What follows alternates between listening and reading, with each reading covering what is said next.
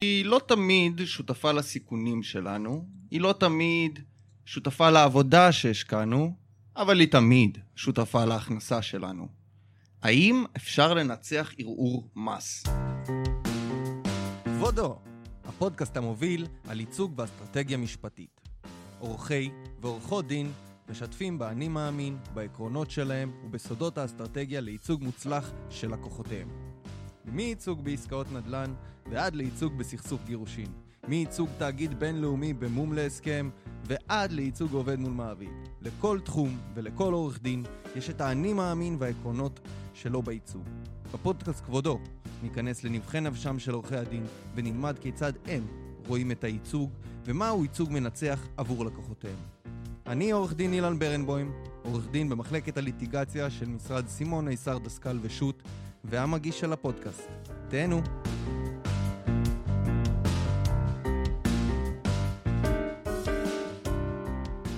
והיום, בפינה שלנו, חידוד רטורי.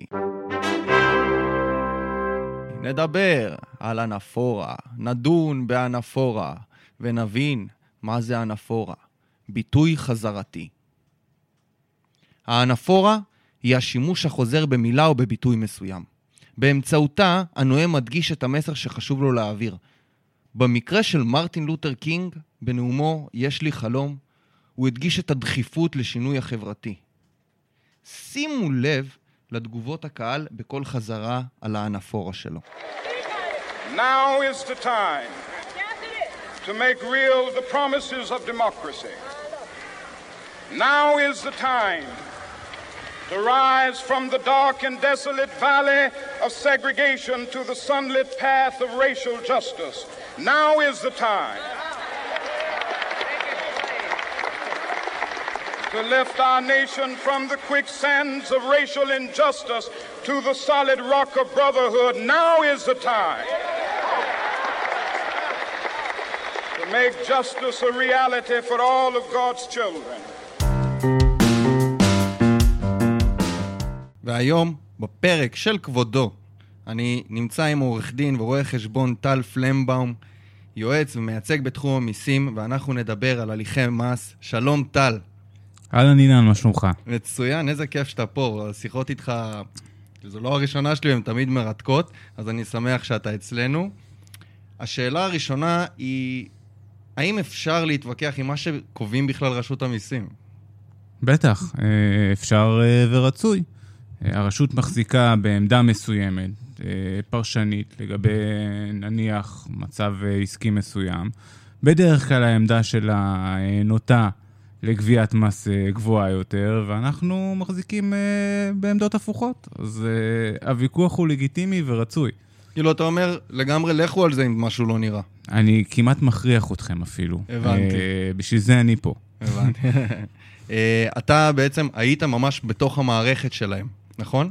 נכון, אני עבדתי ברשות המיסים, בפקיד שומה גוש דן, במשך שש שנים, הייתי מפקח ואז רכז.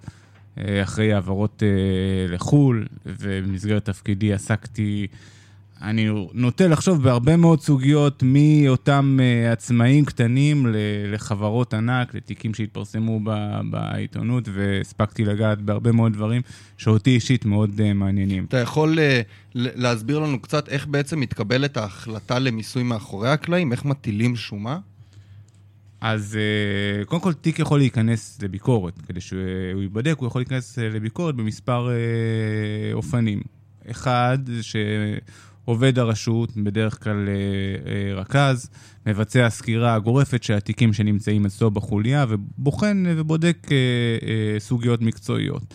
אופציה אחרת שלמשל עכשיו היא מאוד רלוונטית בעיתונות, זה הסיפור של האחים דיין. תיק של ביקורת אזרחית שמתפתח מחקירה אה, פלילית. אה, יכול להיות מידע... מה קרה בתיק של דיין? יש שם סיפור, לפי מה שאני לפחות קורא בעיתונות, יש שם, אה, אה, בזמנו היו הסדרי נאמנויות, הסדרי נאמנויות אה, קבעו שיעור מס מסוים בהנחה שהעובדות שעליהן ההסדר מתבססות הן אמת לאמיתה. ויש טענה שהעובדות שעליהן ההסדר שהאחים התבססו עליו, הוא, הן בעייתיות. אוקיי. ולכן אה, יש להם, מתנהל נגדם כרגע מולם גם הליך אזרחי וגם הליך אה, אז זה בעצם פלילי. התחיל כבירור אזרחי, ופתאום התגלה. היה להם אפילו הסדר אזרחי, שהם כנראה פשוט פוצץ עכשיו בעניין הזה, כיוון שהעובדות לא תואמות את, אה, את חיי המעשה, ומהמישור של הסכם אזרחי, נפתח גם ההסדר השומה, או אמור להיפתח הסדר השומה, וגם יש פה חשיפה פלילית.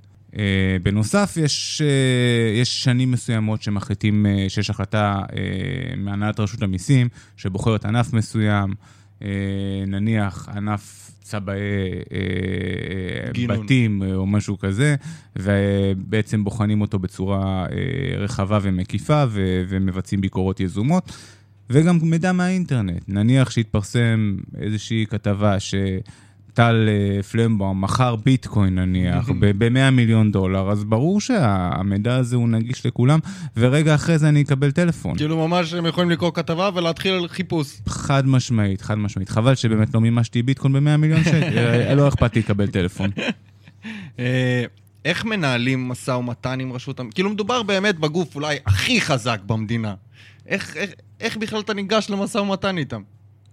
אה, אז, אז אני מסכים ל- לעמדה שבה מדובר בגוף, אה, ברשות, רשות של המדינה, רשות מנהלתית, אה, שעל פי רוב אה, באה מעמדת כוח, אבל משא ומתן פה הוא מתחלק להרבה מאוד פרמטרים.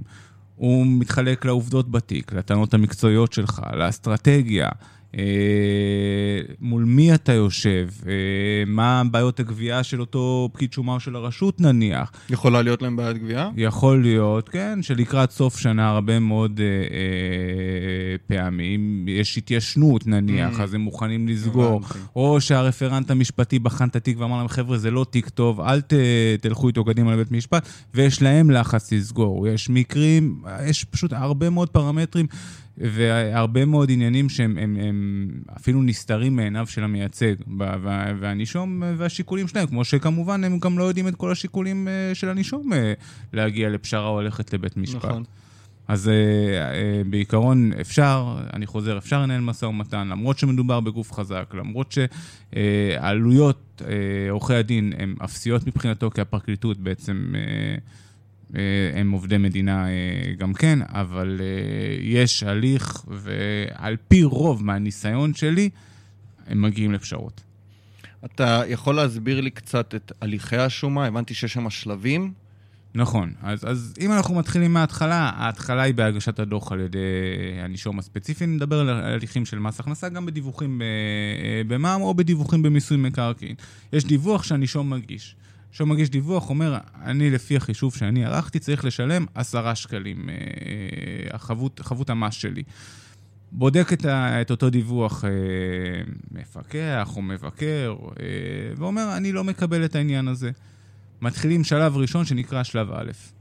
בשלב הזה ש, שמתנהל, אפשר להגיע להסכם ואפשר לא להגיע להסכם, ואז אה, פקיד השומה מיישם את אה, סמכותו ומוציא שומה, מה שנקרא, לפי מיטה שפיטה. על השומה הזאת, הנישום יכול להגיד שהוא מקבל אותה או לא מקבל אותה. אם הוא לא מקבל אותה, הוא יגיש השגה, ינהל הליך דומה להליך הראשון מול מפקח, אה, עובד רשות המיסים, אחר, בשלב ב', וגם פה יכול להגיע להסכמה או לא להגיע להסכמה. בהנחה שלא הגיעו להסכמה, מוצע אה, צו לבית המשפט המחוזי, ומתנהל ערעור אה, מס לבית המשפט המחוזי על כל הכללים הברורים והידועים של הליך אה, משפטי, שלאחריו גם אפשר, בהנחה שלא מרוצים מה- מהחלטת בית המשפט המחוזי, גם לערער לעליון. אה, אתה גם רואה חשבון וגם עורך דין. איפה כאן תפקידו של הרואה חשבון, ומתי הנקודה הטובה ביותר שייכנס עורך דין? כי זה בעצם הרבה מאוד משפטי. אז מניתוח שלי, איך שאני רואה את, ה, אה, את הענף בשנים האחרונות, יש אה, אה, נהירה, או לא נהירה, יותר אה, התמקדות אה, בסוגיות משפטיות, על פי מהמם. רוב, אה, או לא על פי רוב, בסוגיות שיש בהן אה, אה, ניתוח משפטי על בסיס של אה, פסקי דין ופרשנות של הפקודה. אה, פחות, אני חושב, סוגיות חשבונות, למרות שגם הן אה, אה, קיימות. בדרך כלל, בשלב א', מי שמלווה את, אה, את אותו לקוח, נישום. נישום, אה, זה רואה החשבון שערך את הדיווחים. אה, כשאנחנו מדברים שוב פעם על מס הכנסה, אם אנחנו מדברים על מיסוי מקרקעין, אה, אז, אז בדרך כלל זה דווקא עורכי דין.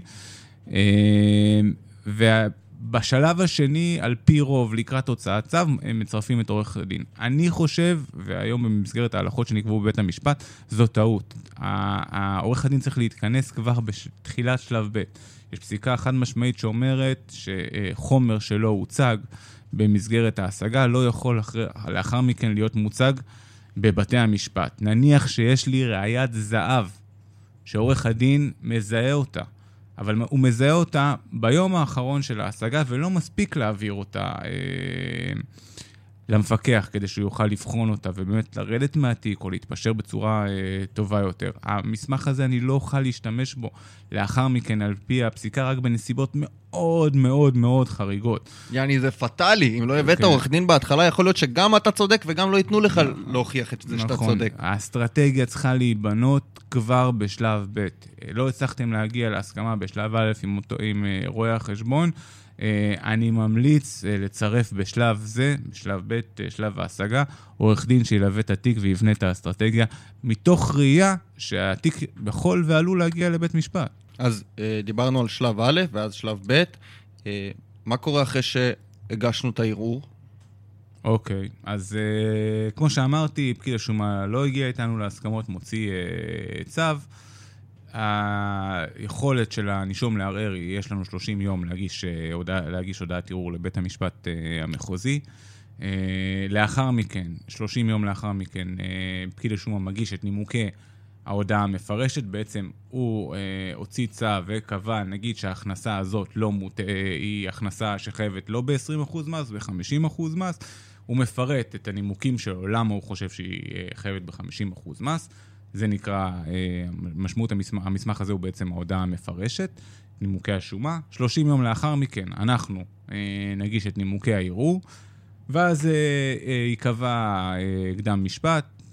בקדם משפט, כמו שרובנו מכירים בהליך אזרחי רגיל, יש...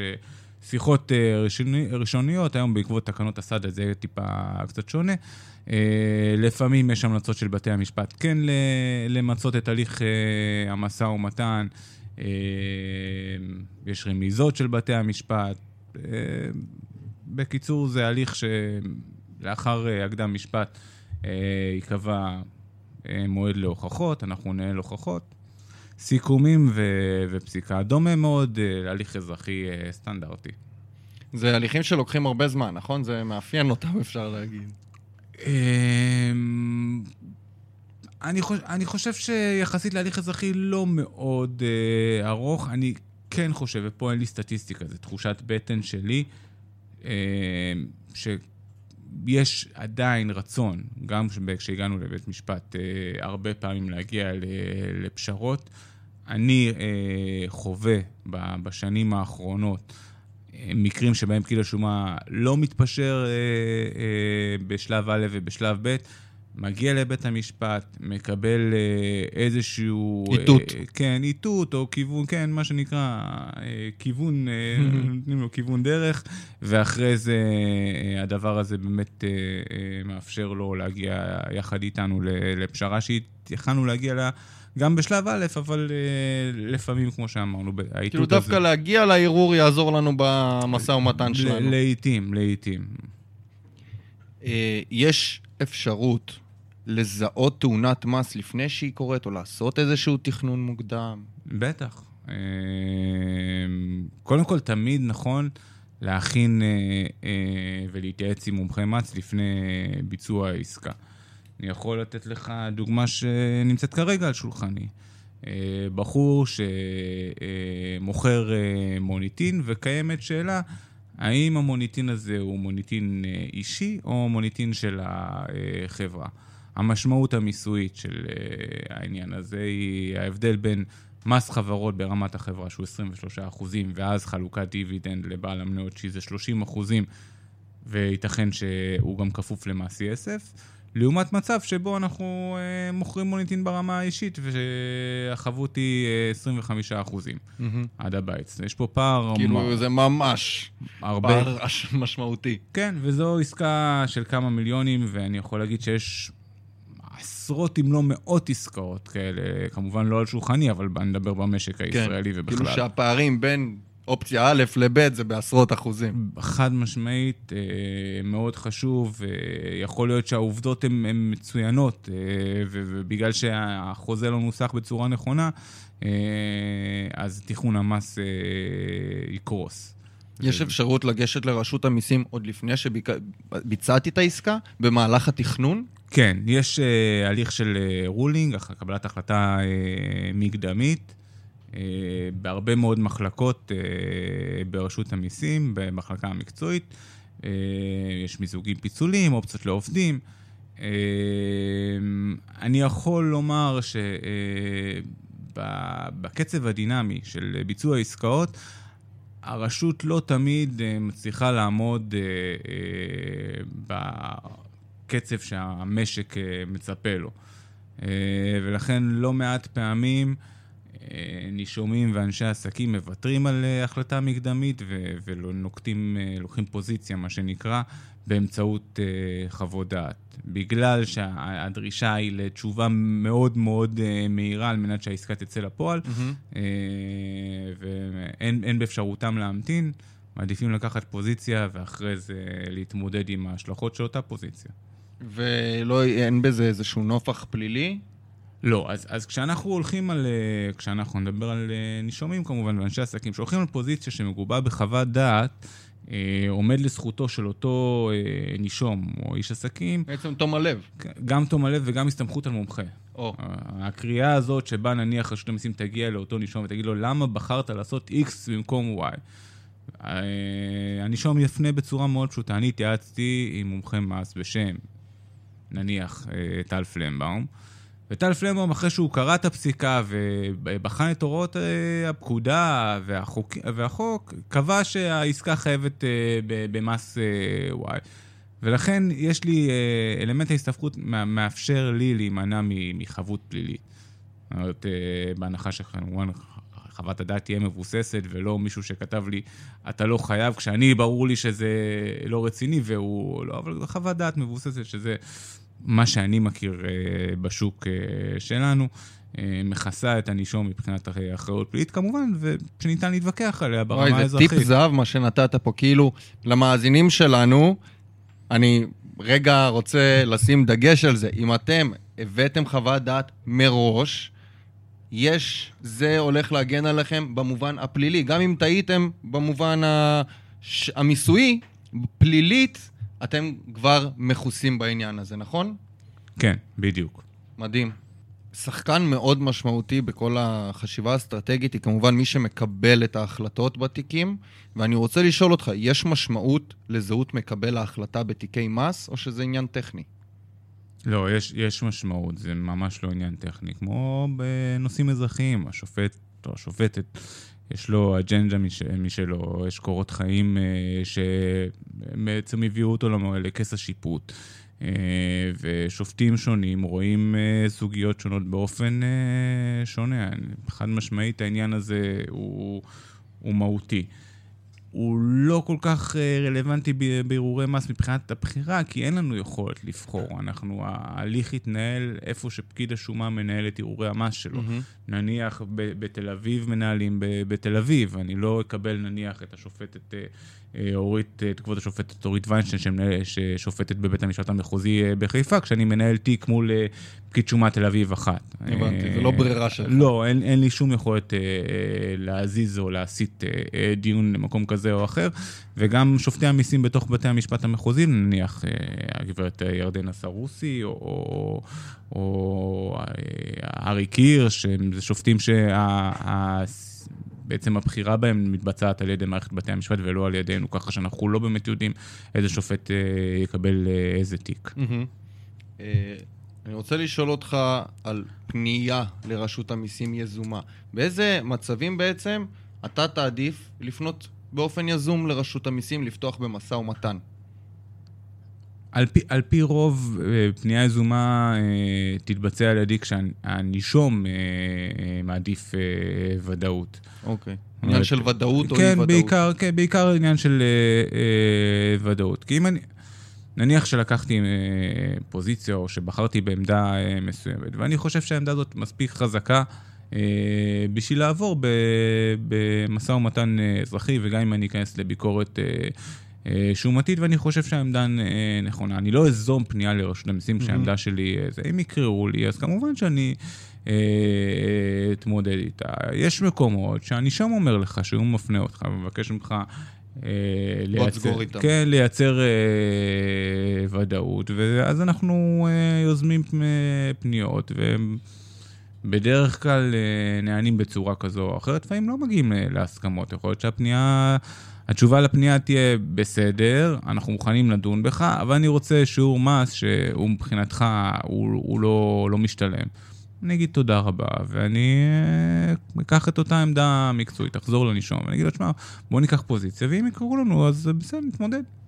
כן, ככה זה הולך, כאילו גם אם במשא ומתן קיבלת תשובה שלא לרוחך, אתה יודע שעוד יש בית משפט שהוא זה שיקבע בסוף. כן, בשנים האחרונות יש מגמה, אני חושב, אה, שמתגברת. אה, להגיע עם תיקים אה, לבתי משפט. אני לא יודע אם זה ראייה נוסטלגית שלי מהתקופה שאני עבדתי ברשות, שהיינו סוגרים קצת יותר דברים. אני חושב שזה קצת הצטמצם. אני מאוד מקווה שהתקופה הזאת אה, תחזור, כי בסוף, אם אתה מסתכל על רשות המיסים כגוף אה, מקצועי וגובה, ובאמת זה, זה גוף מקצועי אה, מאוד, אני חושב שבגירעון שנוצר בשנים האחרונות, ובשנת הקורונה, גירעון שכמובן היה הרבה לפני הקורונה ולא מדברים על זה, אה, אה, השבת מעמדה של רשות המיסים כגוף גובה שסוגר הסכמים בתוך הרשות בצורה מהירה ו... אה, אני חושב, לא יודע אם לקרוא לזה רווחית, אבל שתמלא את קופת המדינה, בתור אזרח אני חושב שזה נכון. לסיום אני רוצה לדבר איתך על משהו שהשנה לדעתי הפך, עבר, עשה אולי את הצעד המשמעותי ביותר, וזה הביטקוין והמטבעות קריפטו, שבעצם גם מוסדות גדולים, גם ג'יי פי מורגן התחילו לתת הכרה, ארצות הברית מנפיק... אה, עכשיו חושבת על בורסה חדשה למסחר, אז אני רוצה לדבר איתך, איזה... יש מיסוי בביטקוין בארץ? זה מקובל? הם מכירים את זה? אז כן, כמו כל דבר, יש מיסוי על הכל. אה, כל שעה שתשאל לגבי כל נכס את רשות המיסים, התשובה תהיה כן, זה חייב uh, במס. יש כמה עמדות uh, לגבי מיסוי uh, בכלל המטבעות uh, הקריפטוגרפיים.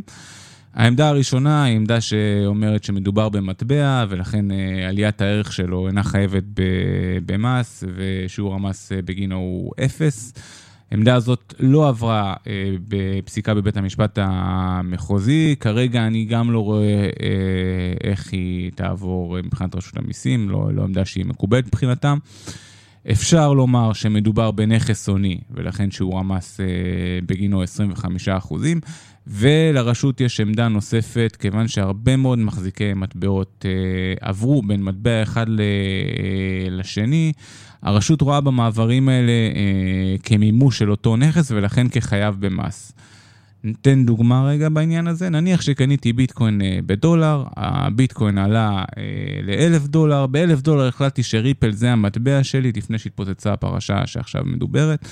וקניתי, אה, מכרתי את הביטקוין שלי ב-1,000 דולר, וקניתי אלף, ב-1,000 דולר ריפל. הריפל ירד חזרה לדולר, ואז מכרתי אותו וחזרתי למה שנקרא פיאט, לכסף בעצם מקובל, לדולר נניח.